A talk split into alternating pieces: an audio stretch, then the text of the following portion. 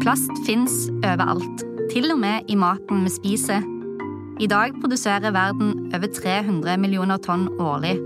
Og 8 millioner tonn havner i havene våre. Se for deg et lastebillast med plast som tømmes over kaikanten. Hvert eneste minutt.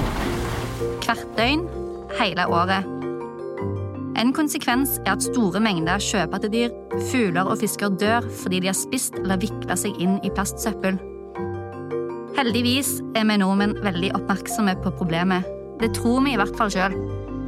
Ifølge en meningsmåling fra Opinion i 2019 er faktisk havplast det miljøproblemet som bekymrer oss aller mest. Og for å løse utfordringen retter vi en stor innsats mot asiatiske kyststater. Dette er land Norge gir mye bistand til. Likevel er det en liten ting vi ikke snakker så mye om, nemlig at det òg er mye norsk plast som finner veien ut i havet. Og synderne, de er òg norske. Hvem er det egentlig som står bak disse utslippene? Og hvorfor er det så vanskelig å håndtere vår eget plastavfall? Jeg heter Ida Folkestad Soltvedt, og du lytter til Kystpuls, en podkast fra Senter for hav og Arktis.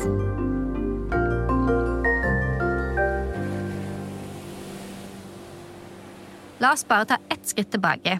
Du husker kanskje hvalen som standa på Sotra med magen full av plastposer?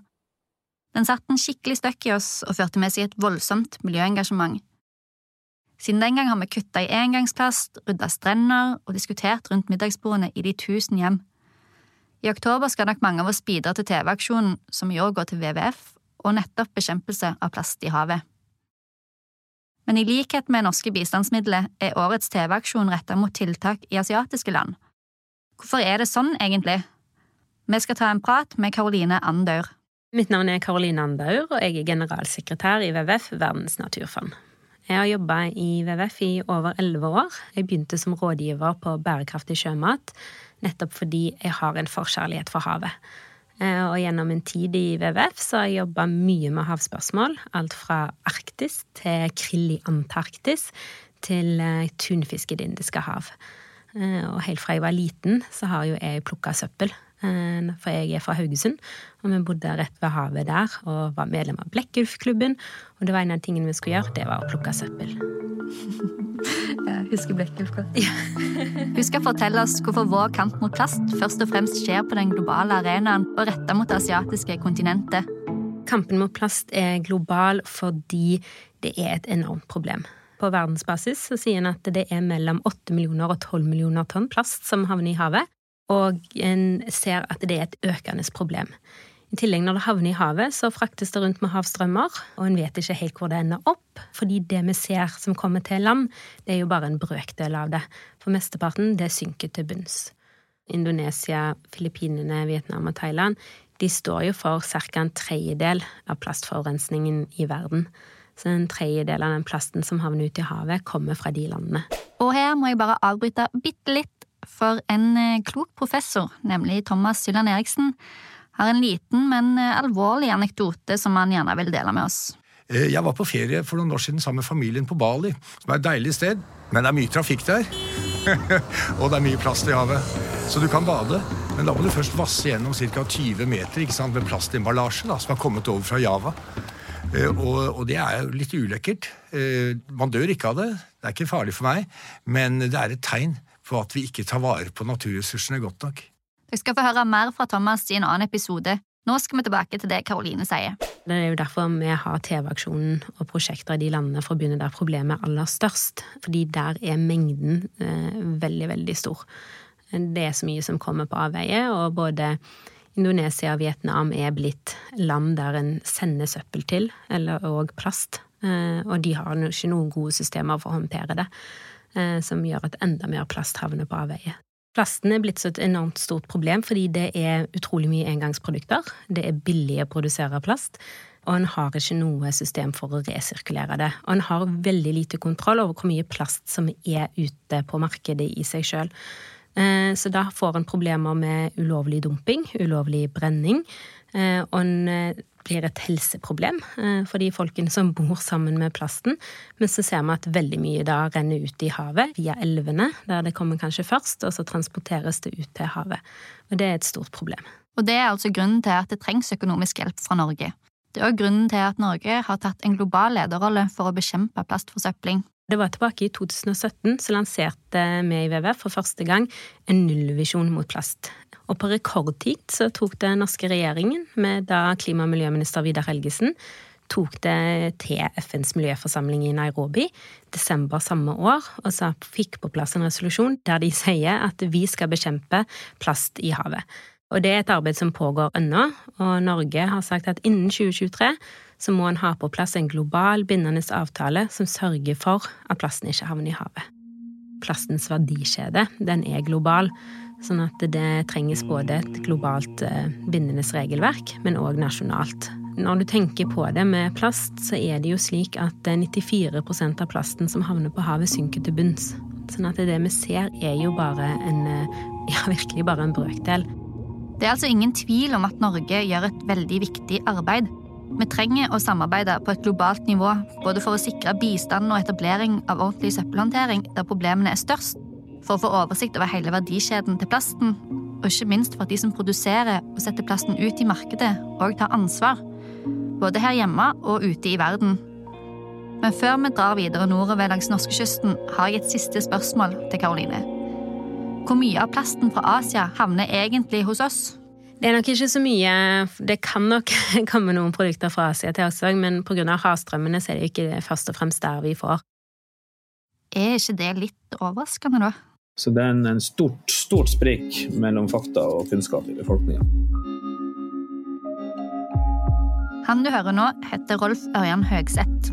I 2017 avsluttet han en glamorøs karriere som kjendis- og reklamefotograf for å heller rydde plast langs Helgelandskysten. Siden den gang har han ledet In The Same Boat, en organisasjon bestående av en flåte båter som frakter frivillige fra strand til strand for å rydde havplast og annet søppel. Nei, jeg har jo eh, jeg har hatt en glamorøs karriere, kan du si. Der jeg med, eller Mesteparten av livet mitt har jeg jobba med å la kommunikasjon for å selge et eller annet.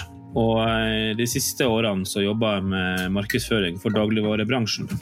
Og eh, ja, jeg fant jo da igjen en del produkt. Første gangen jeg var på ei ordentlig forsøpla strand, så fant jeg bl.a. de her eh, ketsjupflaskene som jeg sjøl hadde brukt i de kampanjene jeg hadde lagt for dagligvarer. Det ble en sånn eh, vekker, eh, kan man si. Altså, jeg, jeg, jeg, følte som at jeg hadde gjort noe gærent ved å prøve å få folk til å kjøpe så mye som mulig av noe som de kanskje egentlig ikke trenger, som ender opp som søppel i havet. Så det var jo da jeg bestemte meg eh, for å skifte side og, og jobbe for havet istedenfor å jobbe mot havet, kan man si. Rolf Ørjan sitter om bord i en av båtene de bor og jobber fra. Da må en kanskje tåle at det er litt trangt om plassen. Um, actually, I needed to be totally silent here. I'm in, in a uh, interview. So if you can just be You can eat, but be silent. Og som du allerede hørte, mener han at det er et stort sprik mellom fakta og kunnskap om havplast i befolkningen. Jeg kan jo si kort at um, vi har gjort en undersøkelse nettopp som ble publisert i går. Uh, vi leide inn Sentio Research uh, for å sjekke hva den norske befolkninga tror og vet om eh, forsøpling langs kysten. Og det er faktisk sånn at fire av fem nordmenn fortsatt tror at søpla langs vår kyst kommer fra andre land. Og en ganske stor andel av de tror faktisk at eh, forsøplinga utenfor Norge kommer fra Asia. Og det, det, er ganske skremmende.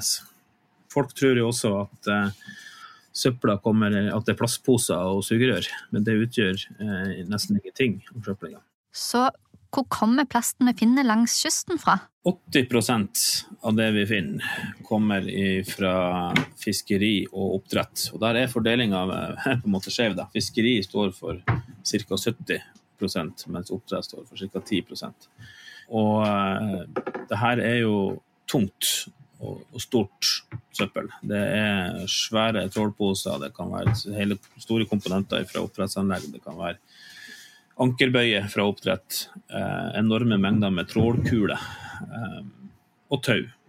Tauverk.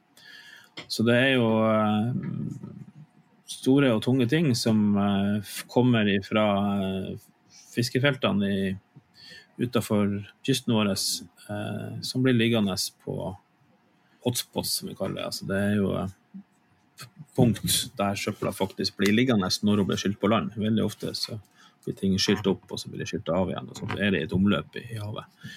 Men de, de her garnene de, En ting er jo at de er en trussel for eh, dyrelivet på land når de leker på, men de flyter jo også rundt i havet og, og fanger fisk og sjødyr. Så vi syns det er spesielt trist at fiskerinæringa, eh, som sjøl er avhengig av livet i, i havet, eh, står for så stor andel av forsøplinga. Dette betyr altså at mesteparten av forsøplingen er det norske aktører som står bak? Ja, det er nok også internasjonale aktører. Eh, det man har klart å, å spore eh, altså det som har merkinga etter et slag, der kommer ca. 77% eller nøyaktig 77% i en undersøkelse fra Mepex er fra norske kilder. Eh, vi opplever at det kan stemme, at hovedvekta er fra norske kilder. Og det øvrige kommer fra våre nærmeste naboland eh, rundt Nordsjøen. Så skal vi tro Rolf Ørjan, kan det nesten høres ut som vi både må ha et større fokus på vårt eget forbruk, men kanskje enda viktigere vår egen avfallshåndtering. Litt som i noen av de asiatiske landene, kanskje. Strandrydding er viktig og bra, men er det nok? Det vil aldri være nok å bare rydde for å løse problemet med, med plast i havet. Man må gjøre eh, tiltak for å hindre at plasten havner på avveie. Og eh, vi, vi, ser jo at det, vil, det, er stor fokus på det akkurat nå, men, men den fokusen er først og fremst retta internasjonalt. Eh, det er få som snakker om det vi må gjøre i Norge for å redusere forsøpling av den norske kysten. Så vi, vi etterlyser litt fokus på, på det lokale, rett og slett. En person som har gjort nettopp det, altså jobba med lokale løsninger langs norskekysten, er Marius Storli. Da jeg etablerte North Agency, eh, så, eh, så, var det en tidligere sjef av meg som sa det. At eh, når du nå blir næringsaktør, så kan du velge å bruke det i, ved å ta samfunnsansvar og påvirke lettere samfunnet for, for å prøve å, å bidra til noe positivt. Og da gikk det opp for meg at det var jo faktisk en mulighet, i og med at North Agency er et eh, selskap som er maritimt retta, og at vi har daglig dialog med både norske og internasjonale sjøfolk og rederier. North Agency er et selskap som jobber med skipsservice og HMS. Marius er daglig leder. I tillegg er han kanskje over gjennomsnittet engasjert i miljø og hav. Jeg er jo vokst opp med havet, og jeg har vært vokst opp også med at eh, vi mennesker er avhengig av, av havet som en fornybar eh, ressurs, og eh, at vi skal ta vare på det. Derfor har han organisert en rekke strandryddinger, og i likhet med Rolf Ørjan har han lagt merke til at mye av plastsøppelet stammer fra våre egne næringer. Marius forsto raskt at her må det mer forebyggende tiltak til for å løse problemet. Jeg tror jo at mye av plastsøppelet som havner i havet, det kommer jo fra aktørene som bruker havet, dessverre. Det vi ser, særlig fra havbruksnæringa, det er jo en type avfall som sannsynligvis ikke kasta med, med vilje, men som, eh, som, driver av gårde. Altså, vi ser jo ute på havet og, og, og, langs kysten så kan det være mye uvær som rett og slett eh, bidrar til at eh, plast og, og andre ting blir, blir, sendt ut på havet. Men vi ser jo det at uh, der er jo ting, ganske mye ting som beviselig må være dumpa. Når du kommer med tomme plastkanner og, kapp fra taurester og, og sånn, så, så, er det ikke ting som er, er fløyet av gårde av seg sjøl. Men det er jo dette med å være uforsiktig og, og, og hva som kan være årsaken. og Det tror jeg jo også er, um, handler kanskje ikke bare om å ønske å forurense, men, men det at uh, det er få plasser som, der det er fasiliteter for å kaste avfall når det kommer land. For fiskerne f.eks. så er jo det et stort problem at eh, de får avfall i fangsten. Hvis de fisker med garn, så er jo det faktisk en perfekt måte å fange søppel på også, ikke bare fisk. Men så kom, får du det opp på dekk, og så har du ingen plass å gjøre av det. For det koster penger skal, øh, hvis du skal levere det når du kommer til land. Og da går det dessverre ofte på havet igjen. Og Marius la spesielt merke til én ting når han var ute og rydda, nemlig at oljekanner det lå det mye av langs strendene og i fjæra. Vi så jo dette her utfordringa med eh, tomme oljekanner som vi, eh, vi fant eh, i fjæra, og så begynte å snakke med aktørene rundt omkring eh, i Tromvika, som er fiskeribygd utenfor eh, Tromsø. Hvorfor det skjer, og de sa at det, jo, det, det stammer jo fra spillolje som produseres når man skifter olje på fiskebåtene. Eh, og de hadde ingen plass å gjøre av det. Eh, jeg si, men hva gjør dere med det? Hvordan blir de tomme oljekannene å finne i fjæra? Jo, altså det, det, var jo en erkjennelse om at eh, spilloljen gikk på havet. Og så gikk eh, tomkanna etterpå. Dette må man gjøre noe med. Eh, det er jo relativt liten forekomst av, av spillolje sånt i forhold til større oljekatastrofer og sånn, men, men, det er eh, oljesøl. Og ikke minst eh, tomkann. Og dermed var en ny idé født, inspirert av bygg- og anleggsbransjen. Jeg tok et initiativ til å etablere en miljøstasjon. I bygg- og anleggsbransjen så har du eh, eh Eh, miljøstasjoner, altså alle anleggsvirksomheter har krav om miljøstasjoner på anleggsplassen. Dette kunne man eh, parallellforskyve til fiskerihavner, tenkte jeg. Så det vi gjorde, var å gjøre en første markedsundersøkelse for å se om var det interesse for å ha noe sånt her. Altså en slags fasilitet å, der fiskerne kunne levere eh, spillolje og kannene sine, i stedet for at eh, det forsvant. Og det var det. Det var folk som sa vi ønsker ikke forurense. sånn at hvis vi får en fasilitet for å eh, levere det, så vil vi bruke det. Så tok vi rett og slett eh, en miljøcontainer som også brukes i bygg- og anleggsbransjen, og innreda den. Lagde en avfallsplan og plasserte den i Tromvika. Og Der eh, distribuerte vi informasjon både digitalt og, via brosjyre på velferden i, bygda. og det første året så uh, samla vi faktisk 2000 liter med spillolje og 6000 liter med tomme oljekanner som ble samla inn. Og ikke bare det, for uh, i den containeren så var det også plass til å uh, sette en palle med karma der kunne plassere, folk kunne plassere gamle blybatterier. Og utrolig nok så kom det, kom det 500 kg med blybatterier som ellers ville havna i havet. Sånn at det, eh, det, var eh, egentlig ganske fantastisk å se engasjementet. Og denne miljøstasjonen var på en måte en dugnadsinnsats. Så er det tydelig at så snart det kommer fasiliteter for å kvitte seg med avfall, så, så brukes det. Og da mener jeg det at det er et, eh, stort problem at det ikke er fasiliteter rundt omkring. Folk var utrolig glad for at de da hadde de en plass å gjøre av det. For som, som jeg nevnte i sted, de ønsker jo ikke å forurense, men så det som en siste utvei, dessverre. Det er ingen tvil om at plast er et stort globalt problem som forutsetter globalt samarbeid. Men plast er òg vårt problem. Et lokalt problem som krever lokale løsninger. Det meste av plasten langs norskekysten kommer fra våre egne næringer. Og nettopp det betyr kanskje at vi bør legge inn en enda større innsats her hjemme, i vår egen bakgård. Forebyggende tiltak som støttes av oss ute i verden, må òg til her hjemme og som Marius har vist oss, kan engasjement og samfunnsansvar ta oss en lang vei. Samtidig er det kanskje en viss sannhet i det Karoline sier, nemlig at Det spiller jo egentlig ingen rolle hvor plasten kommer fra, fordi det en vet om plasten, er at den er et stort problem som ikke skal være i havet i utgangspunktet. Om den kommer fra Asia eller England eller fra Norge, så er det en like stor trussel for dyrelivet. Takk for at du hørte på Kystpuls fra Senter for hav og Arktis. Denne podkasten er produsert i samarbeid med både og. Du kan finne ut mer om Senter for hav og Arktis på havarktis.no.